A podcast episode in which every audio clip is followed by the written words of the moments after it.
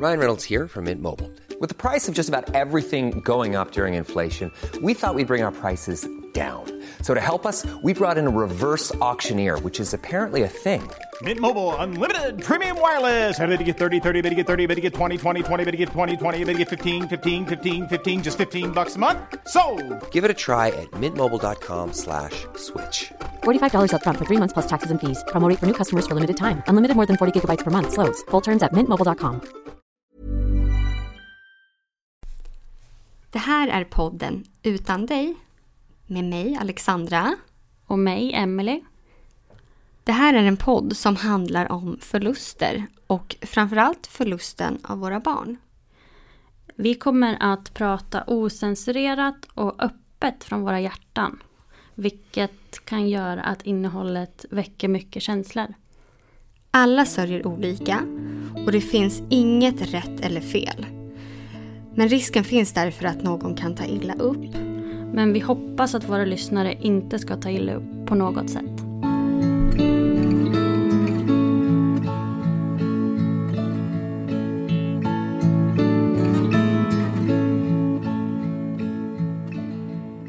Idag har vi vår första gäst med oss. Vi har Sofie här. Hej. Hej! Stellas mamma. Ja, Och eh, vi ser fram emot att få höra er historia.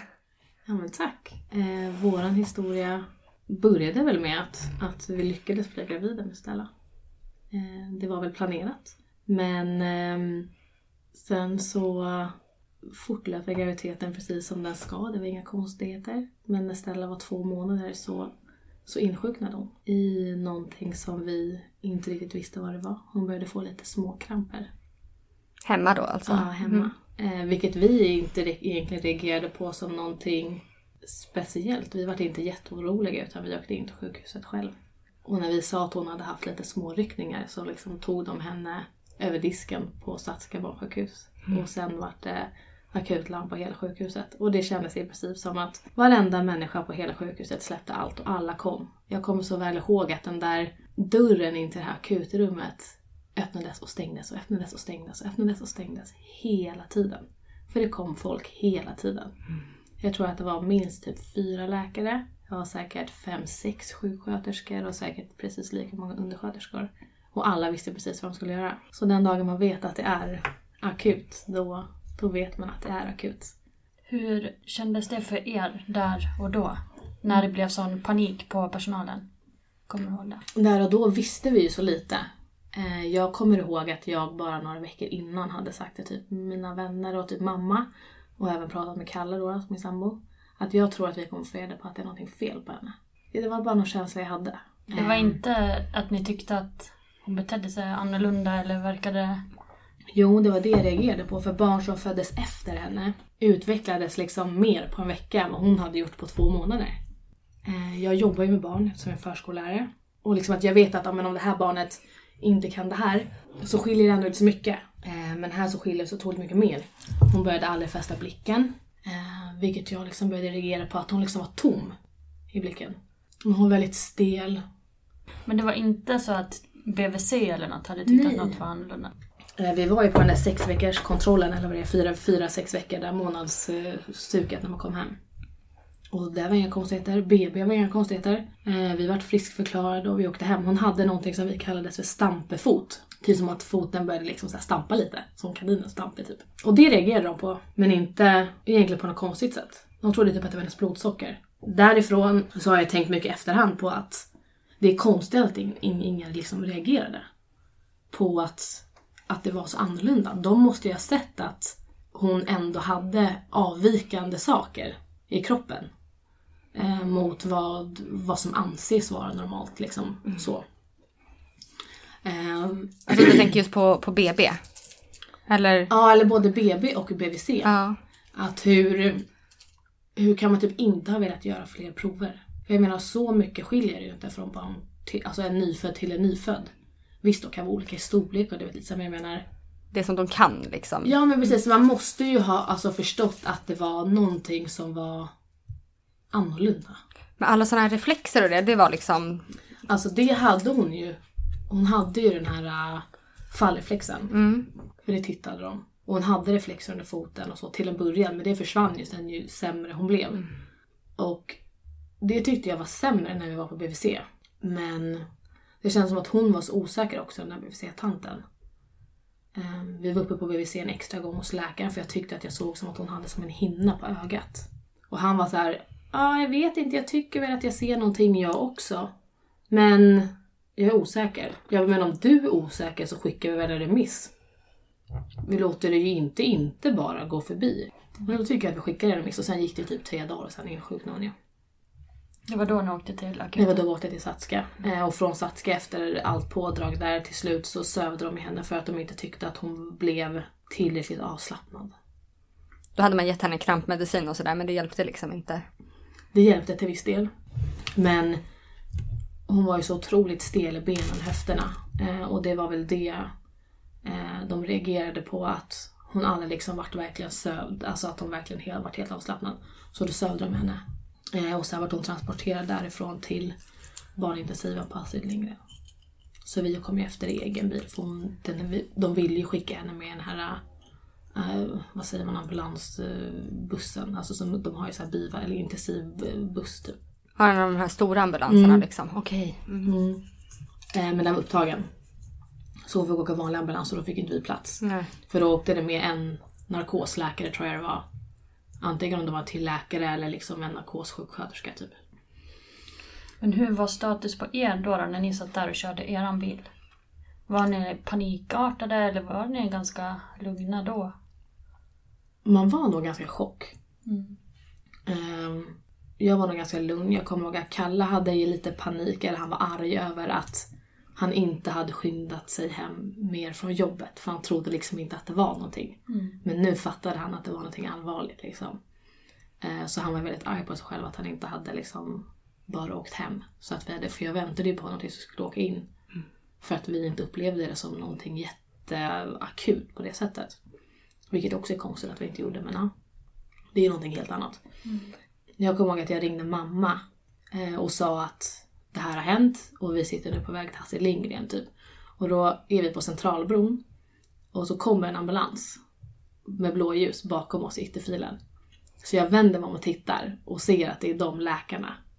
Och det här kommer jag ihåg så starkt för att det enda jag liksom kommer ihåg är att jag säger så här min mamma i telefonen, vilket jag inte har tänkt på. Kalle det är dem! Och verkligen blir du vet så här helt tagen av att jag inser att det är hon som åker med blåljus i den ambulansen som åker förbi oss i ytterfilen.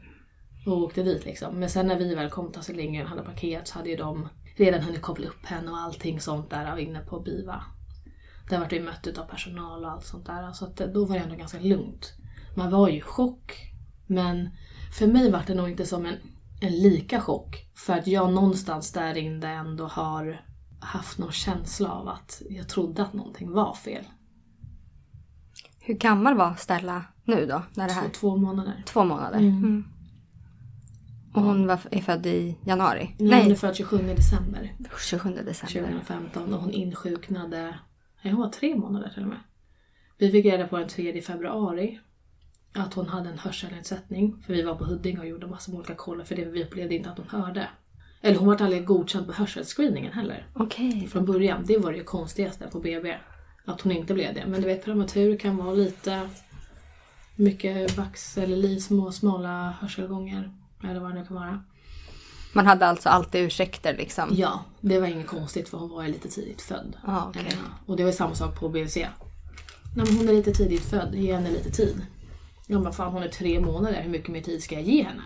För hon var Alltså, inte så tidigt Nej, född? ja, nej alltså hon är ju född typ i slutet av vecka 36 och jag menar från 37 plus 0 eh, så räknas det ju som fullgång. Alltså det diffade bara några dagar. Eh, för det var ändå så här liksom att det hände ju så mycket i början. Men vi tyckte ju inte att det hände någonting. Så det var väl det som gjorde min oro liksom större, eller man ska säga. Eller grubblande mer i början var det ju. Så att när hon väl blev sjuk, då visste ju jag att okej, men det här är det jag typ ändå har vetat. Någonting stämmer inte. Men tyckte eh, Stellas pappa också att det var något fel? Eller kunde han typ uppleva att du var en nojig morsa eller? Ja, men lite så tror jag. Ehm, han hörde nog vad jag sa. Men han har ju också sagt i efterhand att så här, jag vet ju ingenting. Alltså jag vet ju inte hur bebisar ska vara eller hur de inte ska vara eller hur det faktiskt är. Alltså vi var ju förstagångsföräldrar. Så um, det var ju mer jag som umgicks med mina vänner som fick barn i samma liksom, tid. Som upplevde att det var så otroligt stor skillnad, vilket var någonting jag reagerade på. Men där var ju också alla så här, nej men hon behöver bara lite tid, hon är lite tidig, du vet så. Hon, är, hon ska egentligen inte vara född än, men du vet så. Men då hamnade ni på BIVA Mm. och det är barnintensiven. Barnintensiven. Um, och där var hon sövd. Eh, fick massor med olika mediciner. Och där var vi, måste tänka, vi kom in en eftermiddag. Och sen var det kvällen dagen efter. Så lite mer 24 timmar låg hon på själva intensiven och sen var det uppflyttat till avdelning. Så för då hade de börjat väcka henne morgonen efter. Sa de något till er då? Mm. De sa att vad de typ kunde ana så var det någon form av en ämnesomsättningssjukdom. Men att det är så brett och liksom förklarade liksom att det finns hur många olika ämnesomsättningssjukdomar som helst. Ehm, Och ämnesomsättningssjukdom låter ju inte så allvarligt. nej, och det, var, det sa läkarna, då han, han vi pratade med då var så här, liksom, det kan vara allting från att du måste äta en specialkost i hela livet till att du måste ha tillskott av det här eller liksom någonting av det här till att det kan vara mycket allvarligare. Ehm, dagen efter så hade de gjort en magnetröntgen och då märkte vi på läkarna att det kändes lite allvarligare. De sa ingenting utan de sa till oss att det kommer komma en läkare och prata med oss. Eh, när vi har kommit upp på avdelning och så. Liksom efter ytterligare en natt. Och då kände vi så här. Mm, om de väntar med att säga någonting så känns det ju väldigt allvarligt. Så vi höll på där och lämnade prover. För de tog ju prover både på oss och på Stella. Eh, för att kolla oss alla. Eh, liksom DNA, genetiskt hit och dit så för att ja, men liksom utesluta det mesta. Um, och sen kommer den här läkaren ner då och pratar med oss. Och då var det liksom Scenarierna var att antingen kommer hon leva typ som en grönsak i typ rullstolsburen slash permobil, alltså verkligen helt inte ett liv. Eller så kommer hon inte leva så länge.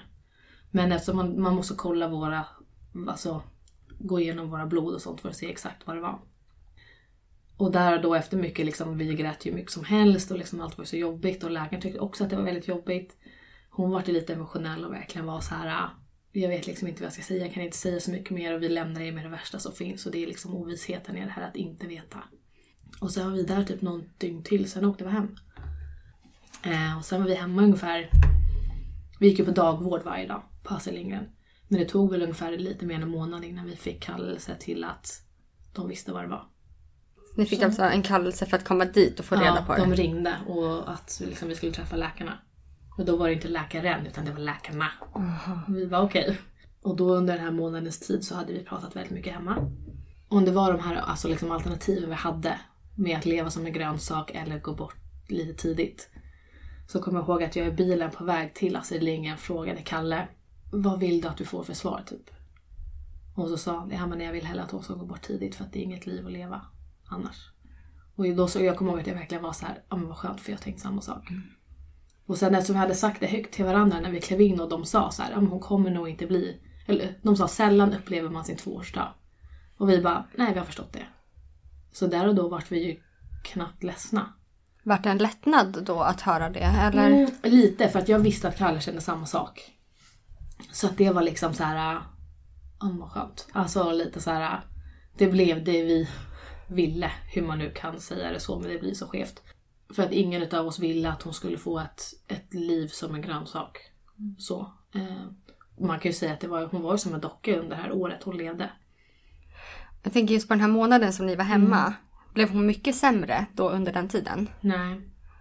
Det blev hon inte. Vi testade ju 711 miljoner olika epilepsimediciner. Vi trappade in den ena när vi trappade ut den andra för att trappa in någon ny för att trappa ut någon annan. Det var typ det vi höll på med hela tiden. Eh, tills vi till slut insåg att så här, okay, man hon kommer inte bli krampfri. Utan nu gäller det bara att hitta den bästa kombinationen som finns. Det var först när vi kom till Lilla Erstagården som vi fick en annan form av med- medicinering. Som funkade så mycket bättre för henne. Men dit kom vi ju på sommaren. Så att det var ju ett tag. Och under tiden att under tiden vi gick på Astrid Lindgren på dagvården till att vi kom till Lilla Ersta. Så liksom under den tiden hann hon få en sond.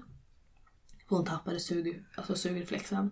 Hon började bli lite... Men man märkte ju så att hon liksom, det var som att hon liksom tog ett trappsteg ner för trappen varje månad till att bli sämre. Inte som något direkt så här markant man egentligen märkte. Men att hon rörde sig lite mindre, inte för att hon rörde sig så mycket från början. Men liksom hon tappade sugreflexen. Hon behövde sond. Hon gick inte riktigt upp i vikt. Ja, men liksom alla sådana där saker som egentligen spelar in i hur kroppen fungerar. Och hur var det att vara hemma med det här? Att ni liksom fick åka hem från sjukhuset? Jag tycker att man anpassade sig ganska fort. Eh, Vi hade ju liksom ändå daglig kontakt med sjukhuset och med läkarna. Eh, Det var ändå ganska skönt att kunna sköta det hemifrån. Alltså att kunna sova i sin egna säng. Vi visste att det inte var något allvarligt liksom där och då. Eh, Vi visste att hon kunde få någon slempropp sådär men hon hade liksom inte visat någon tendens till det innan så det var ingenting vi egentligen var oroliga över. Så ni var hemma en månad och sen fick ni ett besked. En diagnos. Mm. Och vad var det för diagnos? Eh, Diagnosen heter Vanishing White Matter. Mm, Man brukar jämföra det som att i hjärnan har man vit och grå hjärnsubstans. Den gråa är själva datorn och det vita är alla sladdar som ska få precis allt att fungera. Och försvinner den så funkar ju ingenting. Och det var där vi var. Var det så ni fick det förklarat? Ja, det var det. det var en väldigt bra förklaring i alla fall för att man ska förstå liksom. Och, liksom man kan, och då förklarade det som att tänk dig då att varje månad eller liksom att får hon någon form av infektion eller feber eller något sånt så bryter det ner hjärnan fortare. Så allting sånt påverkar ju liksom utifrån eller om man är stressad i kroppen eller liksom sånt där. Så vi ville ju inte att de skulle bli sjuk.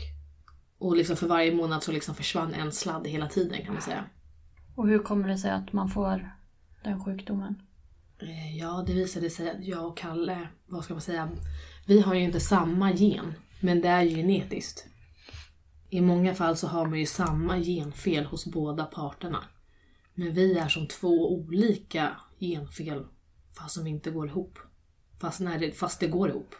Men är det här en vanlig sjukdom eller är det väldigt ovanlig? Vanligt. Ehm, när vi pratade med läkarna så fanns det väl, de visste ett barn till som var lite äldre. I Sverige? Mm. Oftast så insjuknar man mellan två till fem eller sex år. Alltså under det spannet och då blir det liksom att du börjar backa i motoriken. Typ du kan gå, du utvecklas fullt normalt. Men liksom att du börjar trilla. Till att du typ trillar ur sängen. Många har haft scenariot att de trillar ur sängen och slår i huvudet. Och därifrån har de liksom tappat ganska mycket för att de har fått ett huvudtrauma. De hade inte varit med om att någon så ung som Stella hade insjuknat. Därav att de trodde också att de skulle gå bort fortare. Och ni hade aldrig hört talas om den sjukdomen innan? Nej, aldrig. Så sen åkte ni hem med det beskedet?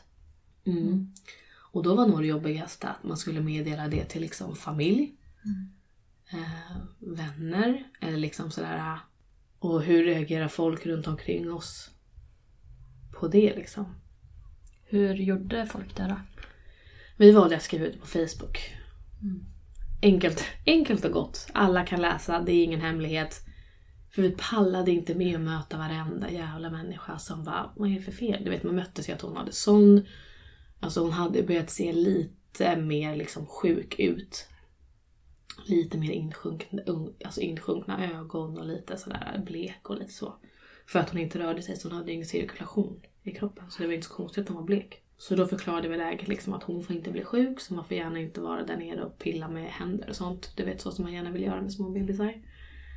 Och att det för oss är det en konstighet att man frågar eller liksom stöter på oss utan fråga på. Men vi, ska, vi, väl, vi valde att skriva ut det där just för att då får alla reda på det på samma gång.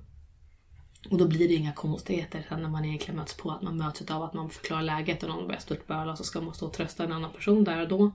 Fast det är egentligen mig det är liksom synd om. Ehm, så det var ändå ganska skönt på något sätt. Eh, för då kändes det som att han bara sa då bockar vi av den, då blir vi av med det. Och sen, var man ju, sen levde man ju i sin bubbla. Man var ju hemma med sina mediciner. Och vilka var det som levde i den bubblan? Det var ju främst jag och Kalle, men vi har ju ett väldigt bra liksom, kontaktnät. Vi står ju nära eh, min familj, eh, mamma och pappa och min syster. Så där fick vi mycket hjälp och liksom så därifrån. Och stöd. Och eh, Kalles mamma bor väldigt nära, hans pappa bor också nära så, men hans mamma träffade vi lite mer. Var folk mycket ledsna då när de var med Stella eller var det... Nej, egentligen inte. Alltså, vi, men samtidigt så la ju vi upp det som att jag och Kalle bestämde redan på sjukhuset när vi låg inne på intensiven att vi ska göra det bästa av den tiden vi har. För att vi vet inte hur lång tid vi kommer få. Sen nu i slutändan så fick vi ju betydligt mycket längre tid än vad vi trodde vi skulle få. Eh, och det är vi väldigt tacksamma för. Men vi ville verkligen göra det bästa och vi ville vara tillsammans och liksom hålla så mycket vi kan. Njuta så mycket vi kan. Även om det var liksom samtidigt som man satt där och liksom gav de sjukaste medicinerna man kunde ge. Så ville vi liksom bara ta vara på tiden.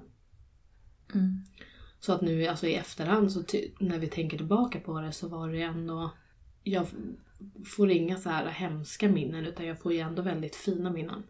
Man tänker tillbaka väldigt mycket på Lilla Ersta och tiden vi hade där och liksom de vänner man alltså vann. Som man liksom fortfarande har idag. Um, som man fortfarande liksom på något sätt har delat det här med och liksom all värme man fick från personal och läkare och allt stöd man fick. Så på något sätt så är det fortfarande en positiv på något sätt alltså tillbakablick man har eller minne man har. Ja, för vi pratade ju lite om det innan Mm. här i podden nu. Att vi har ju inte träffats förut. Men alla vi har ju varit på Lilla Erstagården. Och det känns ju i princip som att man känner varandra. Ja. För att man har det tillsammans. Ja, precis. Och det är ju för att världen som är där är ju en värld som inte existerar för alla andra. Jag kommer fortfarande ihåg så väl när man gick runt där på Lilla Ersta så bara nej men jag ska bara åka ner och handla lite. Och man skulle typ handla till någon middag eller någon, fru- alltså någon frukostlunch eller vad, vad, vad nu det var. Och man åker ner till Sickla och bara Shit vad folk är stressade. Alltså kan folk bara lugna ner sig lite? Det var som att man klev ut ur en bubbla och klev in i en helt annan värld man liksom inte trodde existerade. Ja, för världen utanför fortsatte liksom att Ja, rulla alltså, på som vanligt. folk var stressade, folk skulle själv hämta, lämna förskola, jobb, hit och dit, prata i telefon, var superstressade. Men du vet allt. Och en annan gick där liksom tuffa på. Jag kommer också många gånger när jag gick där och bara, om de bara visste vad min värld liksom, här går jag och ska handla tacofredag för att jag ska äta den här uppe på ett barnhospice för mitt barn håller på att dö liksom. Alltså det är så sjukt. Och ni är liksom oroade, oroade över fotbollsträningen imorgon. Men typ så kändes det. Och det är ju så det är i liksom deras värld, eller liksom den världen de lever i. Sådana saker kommer jag ihåg var så himla skeva. Men hur och när kom ni till Lilla Era? Oj gud, vi var där på besök i maj. Vi säger att vi fick ställas diagnos i april, har jag för mig. Och då tipsade ju läkarna oss om Lille Ersta. Vi var väldigt skeptiska först, kommer jag ihåg. Och jag bara, ska jag verkligen åka dit? Vad är det där? Jag pallar liksom inte vara inne på ett sjukhus. Ja, men du vet, så här, man visste ju inte vad man skulle mötas av. Men sen i maj var vi där och hälsade på. Och så skulle vi provbo där en vecka. Och sen ville vi ju inte åka hem. Sen var vi liksom där mestadels, men då var läget ändå ganska fortfarande helt okej, alltså ganska stabilt. Så vi pendlade lite, typ några veckor hem, äh, några dagar där till några, några veckor hemma till en vecka där till två veckor där.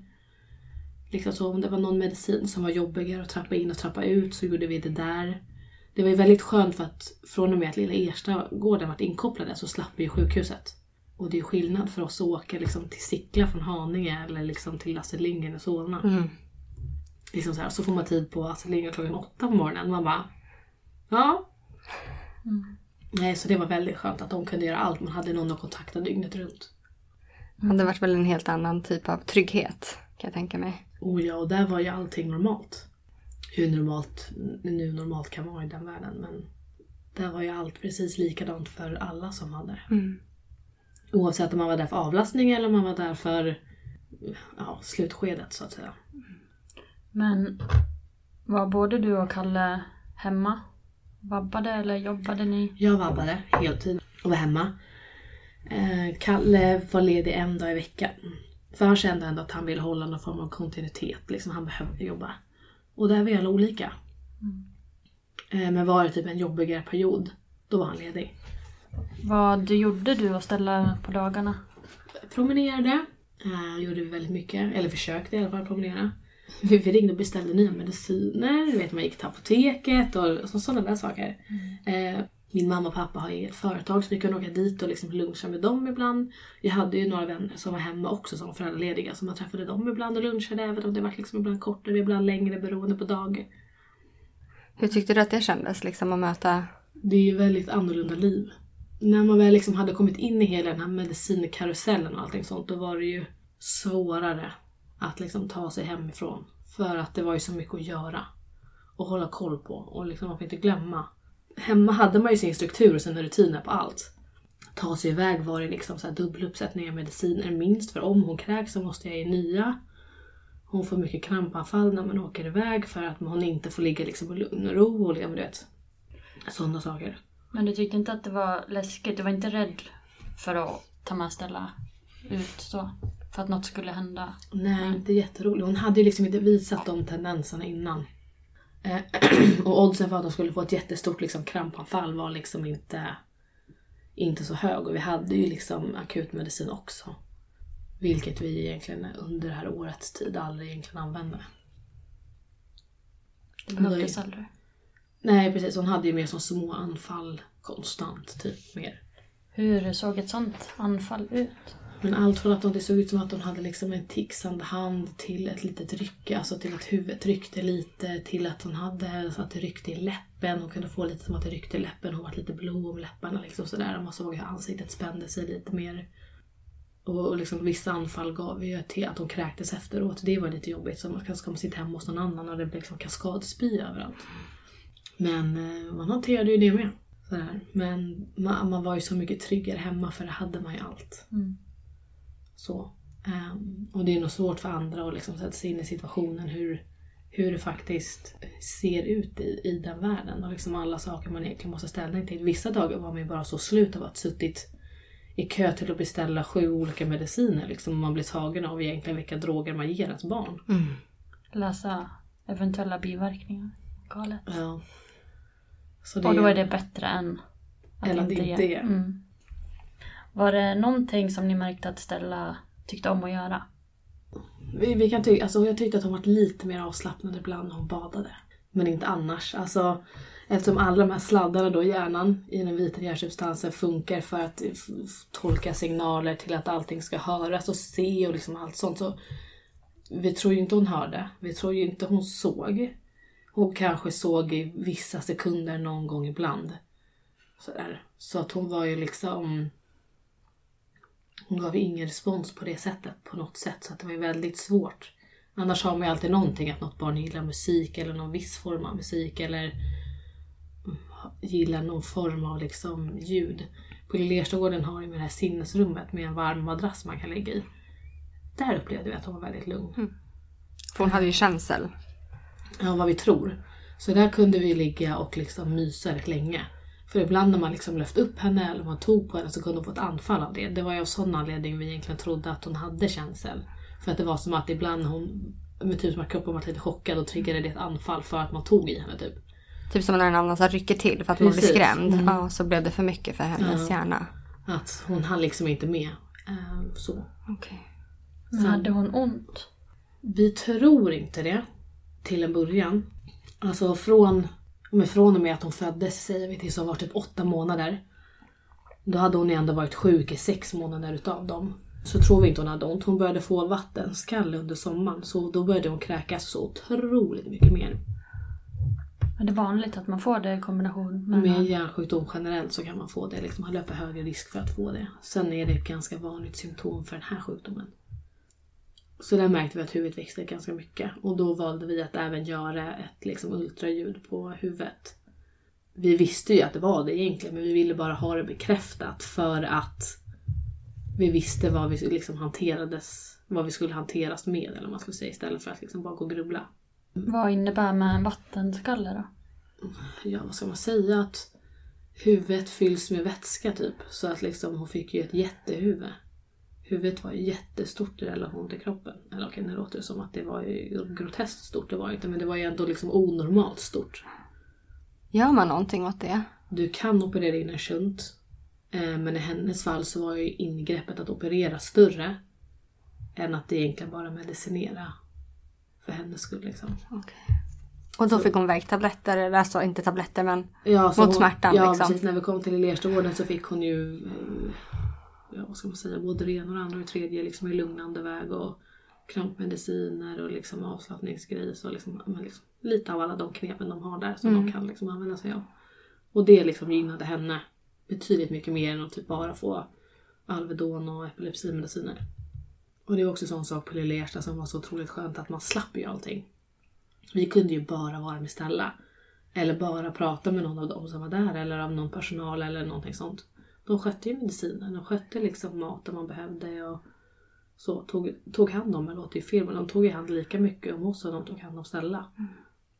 Ja, man slipper ju allt det där med att behöva hålla koll på tiden och måtta upp alla mediciner och liksom det tar ju jättemycket energi. Ja, Lilla Ersta är nog de enda som har typ varit barnvakt åt Stella och vi har gått ner och ätit mat i Sickla. För det är väl liksom det man känner sig mest trygg med för att man var så här, skulle det hända någonting så vet de i alla fall vad de ska göra. Mm, precis. Eller att man ska lägga, eller vi känner i alla fall att vi inte vill lägga det ansvaret på mamma och pappa. För att de, om det händer någonting så ska de inte hamna i en sån situation där de känner att det liksom var deras ansvar typ, eller att de skulle bli obekväma i det liksom, på det sättet. Men när ni visste då att Stella hade en, en dödlig sjukdom, fick ni någon förklaring till hur man brukar dö? De gav ju oss scenariot att antingen så somnar man bara in eller så får man, kan man få ett jättestort typ krampanfall och att man liksom dör av det. Så vi hoppades ju på att hon bara skulle somna in. Och det var ju så det blev. Det blev ju så bra det liksom bara kunde bli. Eh, under sommaren och sen hela hösten så vart ju hon sämre ganska successivt fortare liksom. Eller man märkte alltså större liksom kliv mot att hon vart sämre hela tiden. Hur blev hon sämre för, på för sätt? Var det att huvudet växte? Ja, huvudet mer- växte. Alltså hon, hennes kropp var mer insjunken. Hon smalnade ju av väldigt mycket. Hon tog ju inte upp maten till slut. Ehm, ja, lite sådana där saker som är lite typiska för när man liksom börjar närma sig slutet.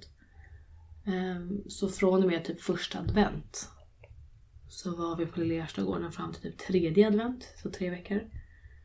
Eh, för då hade hon börjat, vi pratade ju om att, ni frågade om hon led, eller liksom om hon var ledsen eller hade ont. Och vi tror ju inte att hon hade det. Men sen en dag så började hon skrika. Alltså hon hade ju inte skrikit en enda dag i sitt liv. Inte när hon föddes heller. Nej, alltså hon, hon gnydde lite eller var lite ledsen sådär men alltså hon var inte ledsen. Nu skrek hon. Så vi bara, någonting är fel. Och då kommer jag ihåg att vi åkte in till akuten först för det var ändå så relativt där innan sommaren. Var ni hemma då alltså? Eh, det var vi. Um, och då var vi precis i överflytten från Astrid Lindgren till Satska igen. Eh, för att vi tillhör ju Satska eftersom vi bor söder om stan.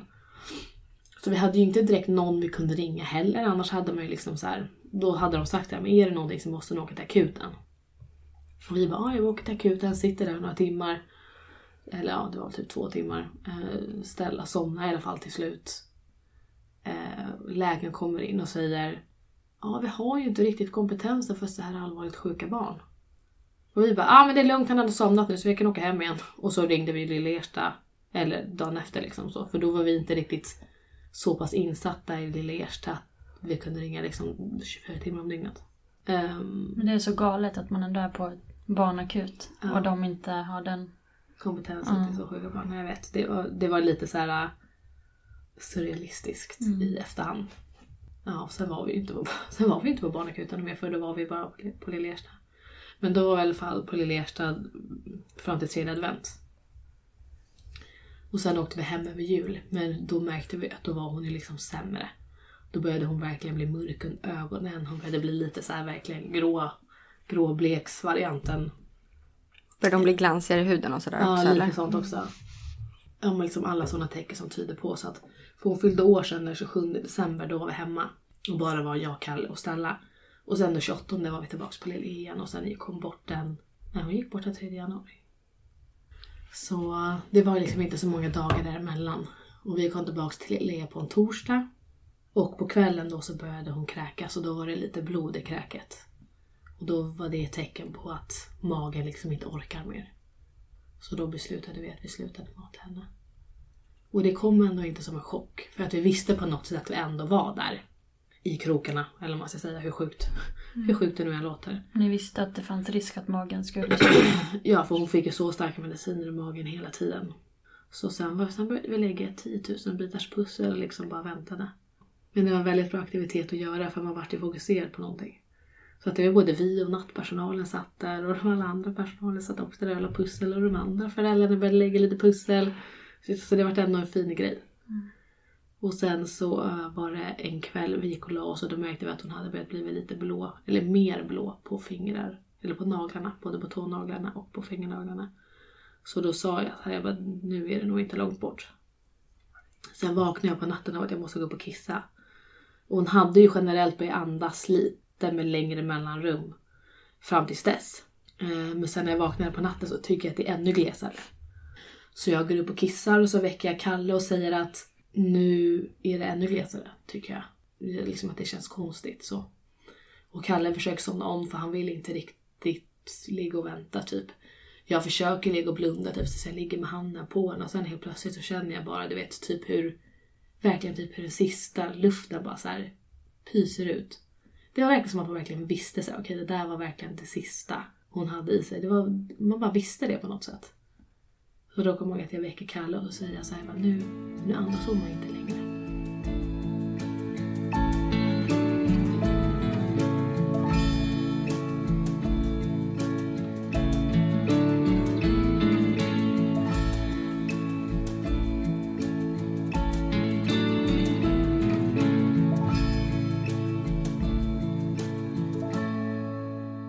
Och sen så satt vi där inne säkert en halvtimme, 40 minuter bara vi. Men du vet, man tog lite bilder och liksom så här, allt för att bevara minnena liksom så. Vi tog en hårlock. Jag menar, men allt sånt där som man liksom kan för att liksom bara minnas det, det lilla man har. Och sen gick vi ut och hämtade personalen så. Och så hjälpte ju de oss med allt. Det låter ju som ett väldigt fint och inte panikartat. Nej, det var eller... väldigt fint. Alltså inte dramatiskt alls. Mm. Eh, väldigt rofyllt så som, det, så som man vill att det ska vara när man väl sitter i skiten. Mm. Så, eh, och sen valde vi att de kom och hämtade. Vi hade ju inga kistläggningar och sånt utan vi valde att de skulle komma och hämta henne. Eh, Och det gjorde de det ganska fort för att hon såg ju ändå redan ganska sjuk ut. Och vi ville liksom typ försöka bevara den bilden vi hade. Så vi tog, vi var, vi var kanske med henne typ två, tre timmar och sen kom de och hämtade henne. Och sen valde vi att åka hem på morgonen och bara liksom vara vi. Vi tyckte att det kändes lite konstigt att gå och lägga oss igen där på natten och själva. Så då valde vi att hellre liksom bara åka hem. Men det är nog det värsta jag har gjort. Att man liksom går ut, ni vet ju hur dörren låter på Lilla Ersta. När man liksom öppnar den och man går och lägger henne liksom på typ av båren på den här bilen som kommer och hämtar henne och sen så ska man bara stå där och vänta tills att hon åker iväg liksom. Ni stod och såg borta. Ja, vi valde att själva liksom lämna över henne så vi ville liksom att vi skulle vara de sista liksom som höll i henne så. Eh, och vi valde att inte några föräldrar skulle komma. Och det var också för, och det sa vi för att vi vill ha den tiden lite för oss själva. Och för att vi ville att våra näraste skulle liksom minnas henne så som de hade träffat henne sist. Inte så som hon var då. Ni kan ju relatera till hur ett barn ser ut när det har dött. Och vi kände väl kanske inte att det var någonting vi ville att våra föräldrar eller syskon skulle liksom minnas. Jag tror att Sally var nog ganska lik Stella. Ture såg nog lite annorlunda ut. Alltså jämfört med, med för de, var, de såg så mycket mer sjuka ut redan innan de dog. Än vad Ture gjorde. Mm. Ture blev ju blek och stel. Liksom. Men han såg ganska mycket ut som att han bara sov. Ja, det är det. För Sally stängde ju inte heller ögonen. Det gjorde ju inte Stella heller. Eh, och då blir det ju lite eh, mer annorlunda skulle jag vilja säga. Men var det jobbigt att säga till era föräldrar? Hade ni pratat med dem innan om att ni kanske ville ha den här sista stunden själva? min mamma tog det först lite fel. Eller alltså, inte fel. Men hon reagerade ju som att hon ville finnas där för oss. Inte bara för Stella utan för att jag är hennes barn också. Och för att hon bara ville liksom också vara med och bara hålla henne. Men hon accepterade ändå det väldigt bra. Och förstod liksom varför när jag förklarade varför och så liksom. Och så, så det var inga konstigheter så. Men just när vi visste att de blev sämre den sista tiden på Lilla E så var ju de där i princip varje dag. och träffade henne och liksom kramade och höll och bara var eller kom med middag eller ja men du vet allt det man gör där. Så de tog ju sig tiden ändå med henne. De hade ju träffat henne på dagen och sen gick hon ju bort på natten så att det var ju liksom det var ju ändå ganska nära. Och sen kände väl jag ändå att det var viktigt för mig eller jag och Kalle hade väl snarare kommit överens om att det var viktigt för oss att få den tiden bara vi. För att det skulle bli ett avslut för oss. Men det var ändå väldigt fint. Eh, tycker jag. Så det låter fel om jag säger att man inte kan klaga. Men jag kan verkligen inte klaga för att vi visste ju att vi skulle hamna där någon dag oavsett. Så det var så bra som ni hade Ja, önskat. Man var det... så tacksam på något sätt. Att det verkligen blev så, så fint det bara kunde bli. Och det var liksom där fokuset hamnade. Och inte på att hon egentligen dog. För att det visste vi ju. Alltså vi har ju vetat det i ett års tid. Vi har ju bara väntat på den här dagen. Så uh, det var väldigt skönt att man liksom kunde men liksom bara tog sig tiden och kramade om varandra och liksom var där. Och det var så skönt för att vi var ju inte ensamma. Vi hade ju personalen och personalen är ju liksom rutinerade i det här. De- vet ju precis vad de ska säga. Vet precis vad de ska göra. Så vi kunde verkligen bara vara vi. Alltså hade man varit hemma eller hade varit någon annanstans då hade man ju behövt sätta sig ner och liksom ringa. Och göra massor med andra saker. Nu behövde vi liksom bara, vi kunde släppa allt och bara vara vi. Och visst, alltså det var verkligen som att de bar en hela vägen. Från att man kom dit till att vi gick därifrån. Det är fortfarande, luktar ju fortfarande hemma när man kommer dit fast det liksom är två år sedan vi typ var där på riktigt. Vi har ju varit där i efterhand och hälsat på och så.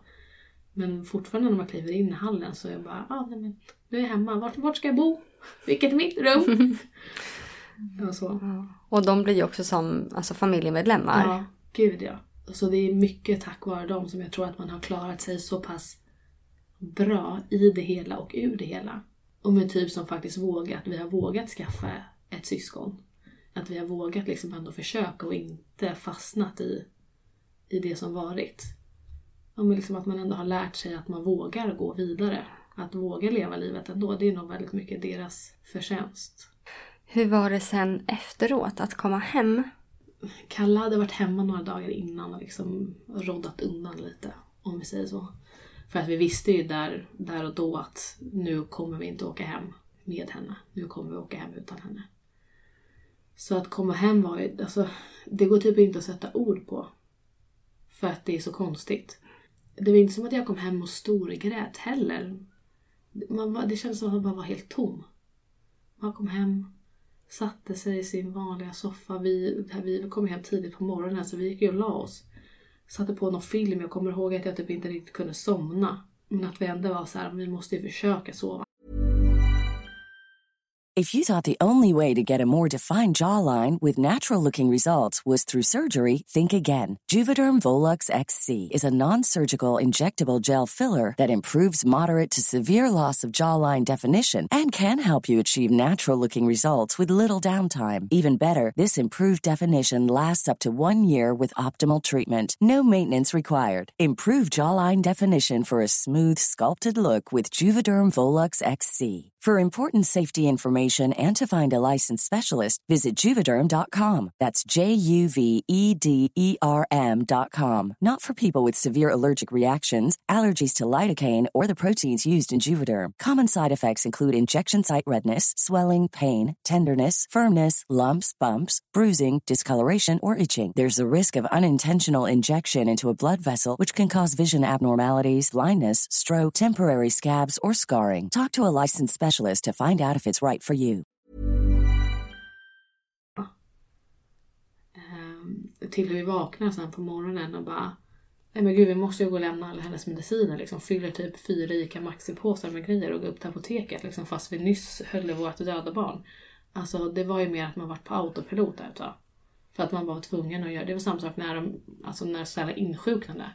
Hur man hamnade på autopilot. Man bara gjorde de sakerna man var tvungen att göra för att man inte hade något val.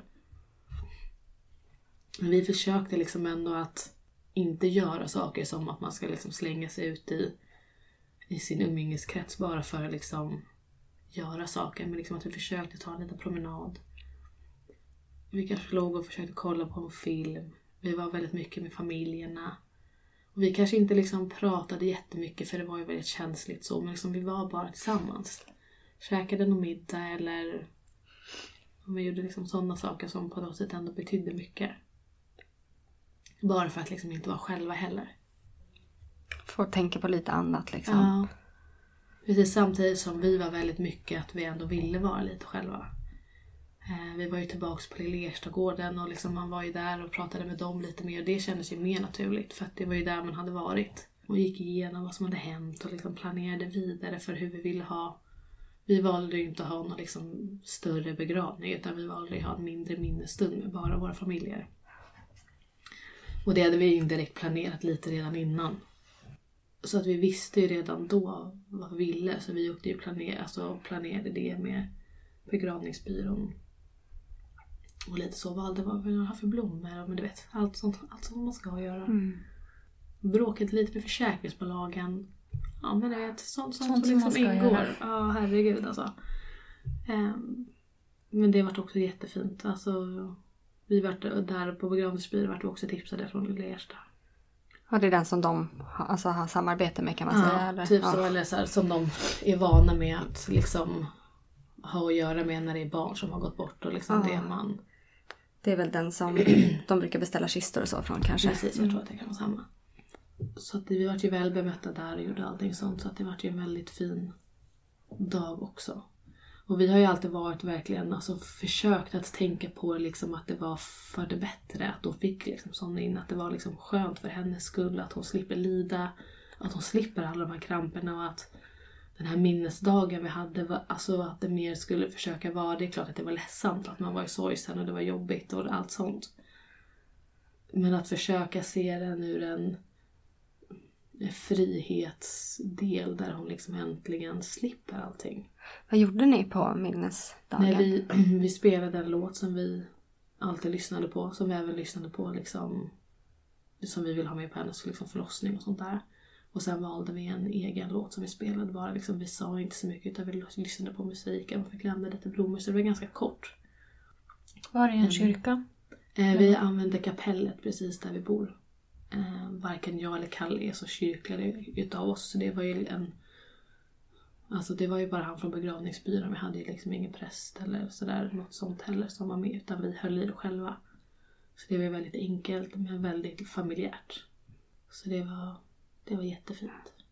Har ni, är hon typ spridd i en minneslund då? Ja, eller? vi valde minneslund och det är för att både på Kalles sida och på min sida så är de flesta spridda i minneslund. Så vi valde att ha det så. Och vi, för vi fick lite press på oss när, om vi skulle välja att ha en gravsten. Att både jag och Kalle kände att men tänk om man hamnar någonstans i livet eller att vi flyttar du vet och så ska man stå den och förfaller typ. Alltså minneslund då kan man ju i princip gå till vilken minneslund som helst och liksom tända ljus eller liksom så. Så då kände vi att det passade oss bättre. Så att nu är det ändå som, alltså våran, där hon ligger, det är ju typ bara så här 500 meter från där vi bor idag. Så att det är väldigt nära, vi går ju förbi det typ varje dag. Och först trodde jag att det skulle kännas jobbigt. Men i efterhand så är det bara väldigt härligt. För varje dag man går där, eller varje gång man ser det, så är det ju, man blir påmind hela tiden. Eh, Så då känns det på något sätt som att hon är nära. Fast ändå inte liksom. Mitt uppe i allt det här, när Stella var sjuk och det, så Mm. blev ju du gravid Ja. Stella var åtta månader så blev jag gravid med en liten lillebror. Mm. En liten Hugo. Som också, det var ju en resa sig också för att vänta på och se om han var frisk eller inte. Då vi valde att försöka liksom på egen väg. Då vi har 25% risk att barnet blir sjukt med den sjukdomen som Stella har. Eh, men det visade sig att han var frisk och vi fick reda på att han var frisk bara någon dag innan Stella somnade in. Så att det var ju verkligen som att hon kände på sig att nu är allting okej liksom. Nu, nu blir allt bra. Så att hon kunde släppa taget då. Så det kändes ju liksom otroligt fint i efterhand. När man tänker på det så. Så att idag har vi en Hugo som är två år. Och ibland kan man bli så, vad ska man säga? Men att man brottas med sina egna tankar för att livet man levde med Stella när vi bara hade Stella var ju så annorlunda. Nu lever vi det Svenssonlivet som alla de jag mötte nere i köpcentrumet gjorde. Och hur liksom annorlunda det kan vara nu när man själv är inne i den här karusellen med att lämna och hämta på förskola och man själv jobbar heltid och man liksom ska brottas med allt vad det innebär. Mot hur man vet hur det kan se ut. Eller när man åker och hälsar på på Lilla E där folk liksom fortfarande, eller liksom folk som har kommit till den bubblan, lever i den bubblan. Samtidigt som man är ju tacksam på ett annat sätt över att ha fått ett, ett friskt barn. Eller i alla fall ett friskt barn som inte har en döende sjukdom. Hur var det att vara gravid med Hugo? Det var ju oroligt. För att man visste ju att det fanns så mycket mer där ute. Av allt man har sett och allt man har lärt sig under det året med Stella. Samtidigt som när vi fick reda på att han var frisk i magen till att han började röra sig i magen, hur, hur annorlunda det faktiskt var. Jag kommer ihåg att jag flera gånger tänkte så här, okej okay, men det var så här det skulle kännas. För att efterhand då så insåg jag ju att Stella inte alls egentligen rörde sig i magen när jag var gravid med henne. Så förmodligen var det så att hon var sjuk redan i magen. Mm, eller i alla fall otroligt väldigt svag. Mm. Och det blev en helt annan graviditet nu. Ja, men Stella fick ju havandeskapsförgiftning ganska tidigt. Och väldigt högt blodtryck. Hugos graviditet var ju i princip liksom felfri.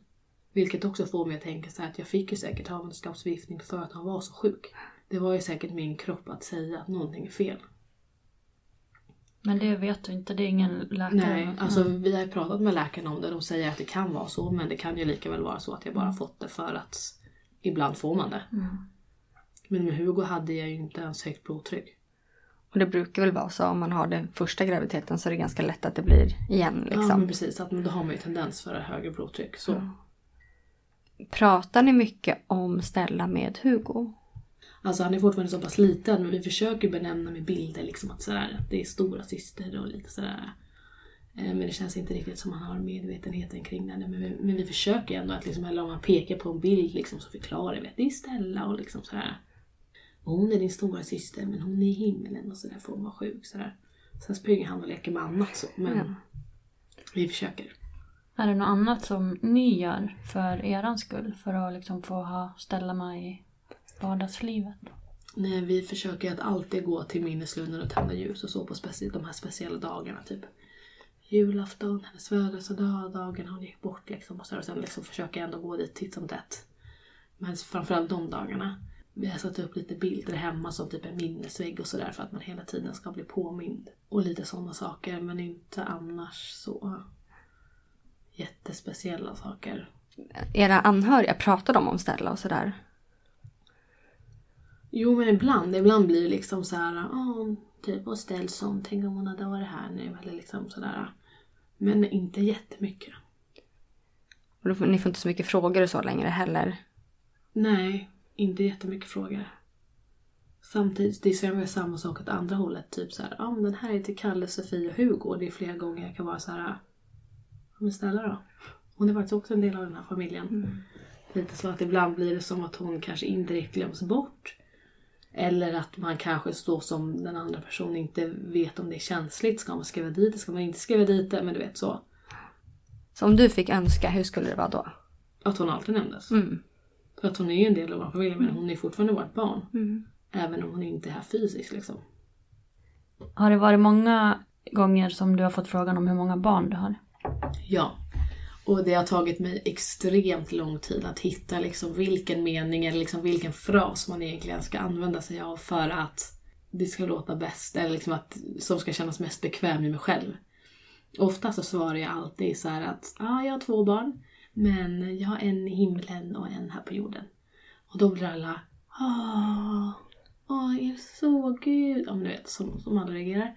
Ja, hon var väldigt sjuk så hon blev bara ett, säger jag då. Så här. Sen har jag Hugo och han är två.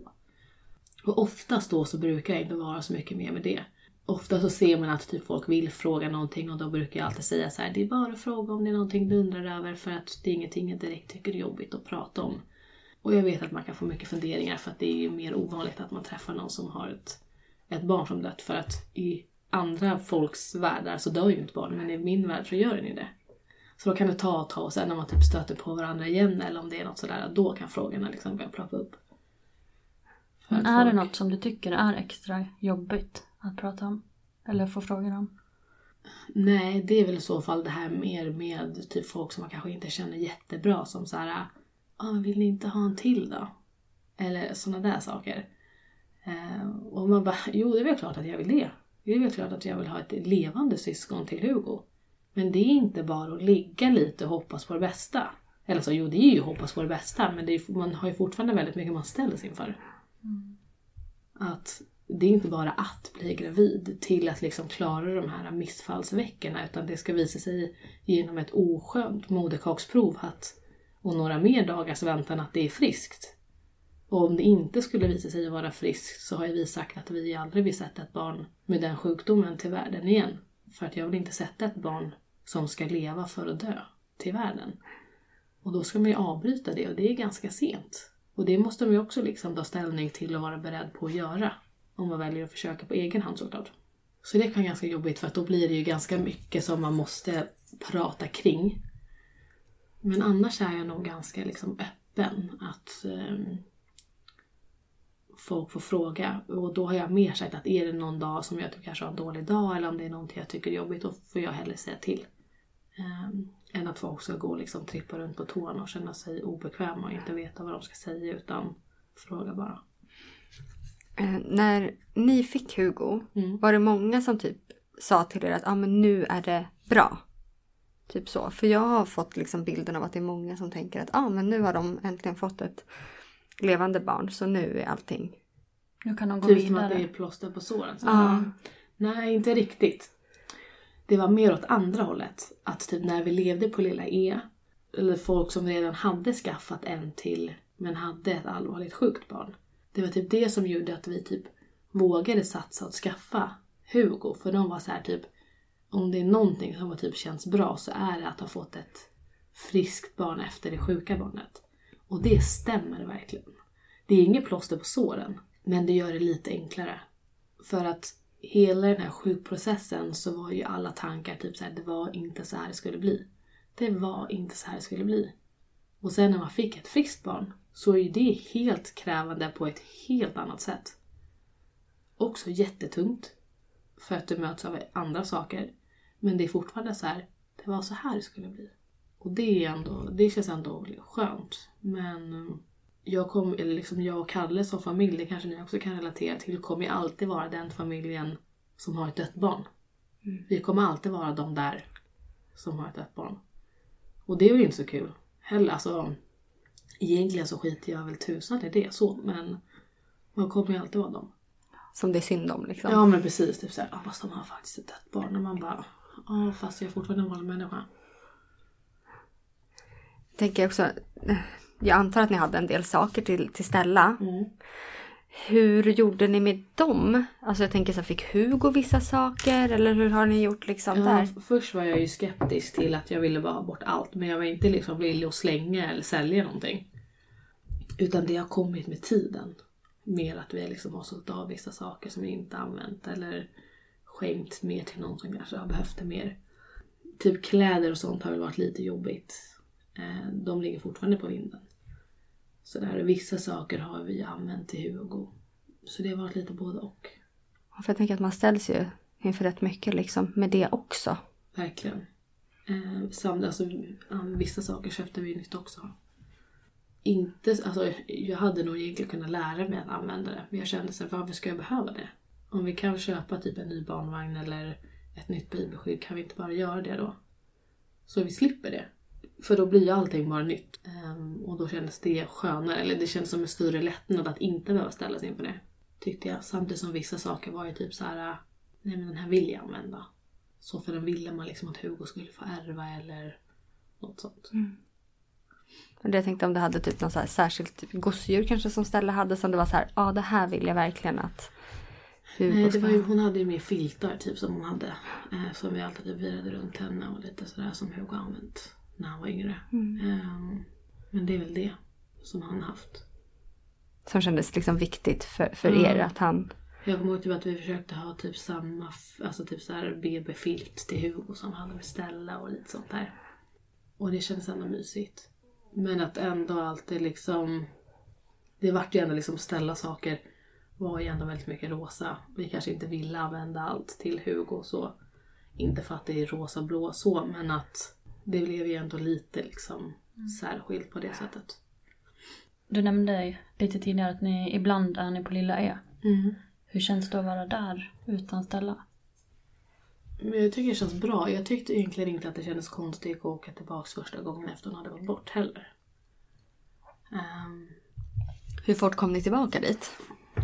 Kommer inte ihåg, var det typ en vecka, var det två veckor, var det några dagar? Alltså, det var ändå relativt fort. Det har varit en sån neutral plats och ändå en sån liksom stark plats som har varit så positiv för att man har fått så otroligt mycket hjälp. Och av den anledningen tyckte jag väl inte att det var jättejobbigt. Sen kändes det ju konstigt för att nu kommer jag ju inte hit för att bo här. Nu när jag är där så är jag ju bara gäst. Annars har vi gått runt där som man är den som verkligen bor där. Och så är det inte nu. Nu åker man dit och så hänger man i köket typ, eller ja men ja, gör sådana där saker och sen åker man liksom hem. Det är ingen ihåg. som pysslar om mig på samma sätt. Nej. jag kommer ihåg när vi var där. Alltså när jag var där i början efter Mm. att Sally hade dött. Och du vet när de här klockorna började pipa eller rum. Du vet, alltså jag blev så stressad för varje gång jag inte hade Sally hos mig. Alltså då när vi Mm. bodde där. Då var jag ju så stressad för åh gud var är vårt rum? Och, Mm. Så det satt i ganska länge kommer jag ihåg. Att man liksom tittade. Åh är det vårt rum? Nej det var inte det. Typ. Men det behövde ju inte jag bry mig om sen. Nej, men sån sak som sitter i ryggmärgen. Du tyckte jag var helt knäpp som kom tillbaka. Jag tyckte du var jättekonstig. Ja. Jag kom ju tillbaka ja, två veckor efter. Och hälsade på dig. Ja, för då var ju vi där med Ture. Och jag tänkte att nej men gud, jag skulle inte orka vara här utan Ture. Men jag har ju varit det och är ju det också nu. Och jag tycker att det är så fint att vara där för dem. De lärde ju känna Ture. De, ja, de är ju som en familjemedlem. Mm. Jo men det var så när vi, vi var tillbaks på minnesdagen året efter. Nej, nej, vi var tillbaka och hälsade på en annan familj först. Och då hade vi med oss Hugo. Då var ju Hugo liten. Det var typ under sommaren. Hugo var kanske två månader. Och hur vi möts av personalen som typ tar Hugo ifrån oss. Och du vet, alla börjar typ lipa för att de blir själva blir så emotionella. Och lyckliga för den skull. Alltså det kändes otroligt mäktigt. Eh, till att typ, sen tog ju de Hugo som de tog Stella och vi brydde oss inte fast Hugo bara var liksom en månad. Hejdå! Eh, för att man är så bekväm. Ja det säger verkligen något om hur trygg man är där. Mm. Så det var jättehärligt. Känner du att att du har liksom fått tillräckligt med stöd av, av nära och kära? Eller är det någonting som du kanske hade velat ha mer av? Alltså det är väl klart att man alltid vill ha mer förståelse. För att jag tror att det är otroligt svårt för dem att ändå sätta sig in i, sin, alltså i den här formen av situation. Alltså ingen som har suttit i samma situation tror jag egentligen kan förstå. Medan jag själv vill ha liksom lite mer sympati, förståelse eller jag vet inte vad. Men det är ju svårt. För att det är ju sån skev värld. Så att alltså det finns ju liksom inte att jämföra med någonting annat. Men det tror jag att man liksom generellt vill ha. Men sen på vilket sätt eller hur eller ja, men alltså, ja, vad det egentligen innebär eller vad folk egentligen ska säga eller göra. Det, det vet jag inte. Nej. Så, men alltså vi har ju alltså, vi har ändå fått otroligt bra stöd från Lilla E. Eh, och vi har ändå ett väldigt bra kontaktnät så jag tycker ändå att vi har varit väldigt beskyddade på det sättet. Tycker jag. Jag tror att du nämnde tidigare också att du upplevde att ni fick väldigt bra hjälp inom sjukvården också. Alltså utöver Lilla E. Ja. Verkligen. Jag en väldigt liksom professionellt bemötande. Och ändå att man har blivit hörd som förälder och att man, de, när det har varit så pass allvarligt som ändå frågat oss typ så här, vad vill ni? Eller liksom, alltså det här anser vi, men vad känner ni?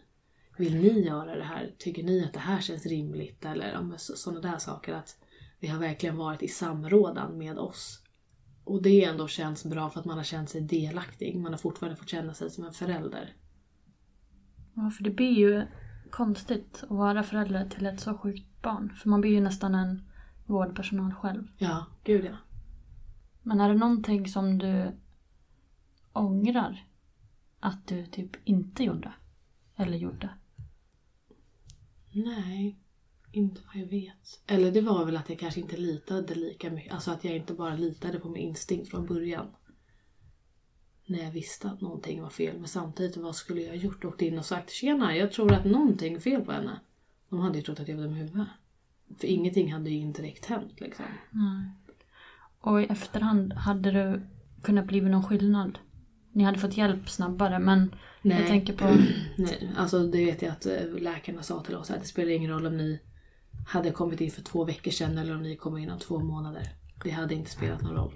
Utfallet hade varit detsamma. Ja. Och det finns ju inget botemedel och det finns liksom ingen läkemedel på något sätt som liksom bromsar eller någonting sånt utan sjukdomen har sin process och det kan gå långsammare, det kan gå fortare och man sitter där man sitter.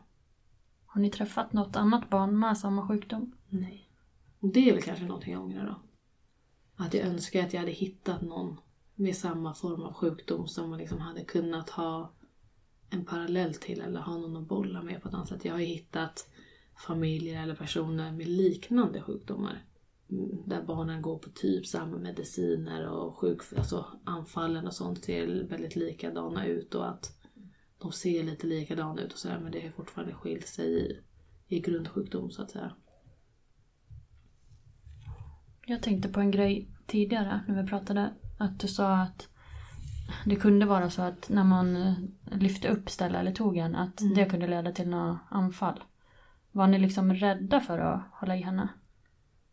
Ibland så tyckte jag att det var jobbigt att hålla i henne för att ibland så kändes det som att det bara triggade ännu mer.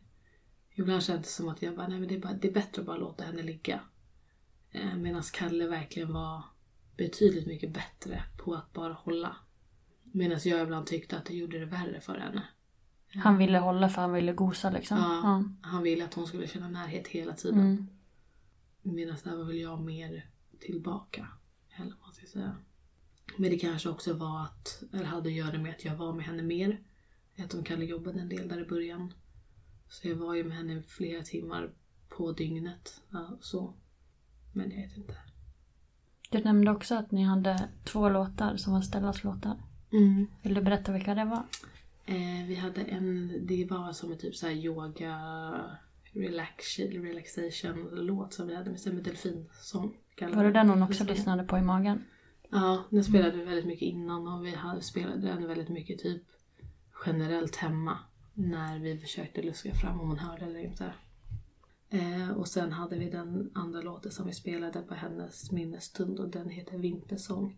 En Carola-låt av alla artister där ute. Jag gillar egentligen dans Carola direkt men ja. Om du lyssnar på den musiken nu, tycker du att det är jobbigt eller Nej, inte direkt. Alltså Carola-låten, jo kanske lite. för att det är Carola? Nej, precis. Bara för att det är Carola. Nej, men för in, alltså innebörden i texten och hur vi relaterar till sången. Förstår. Tack så jättemycket Sofie för att du har varit här idag. Och för att du har delat med dig av Stellas historia. Tack för att jag fick komma, trots hosta och lite hes hals. Jättehärligt. Och jättehärligt hos er. Och detsamma.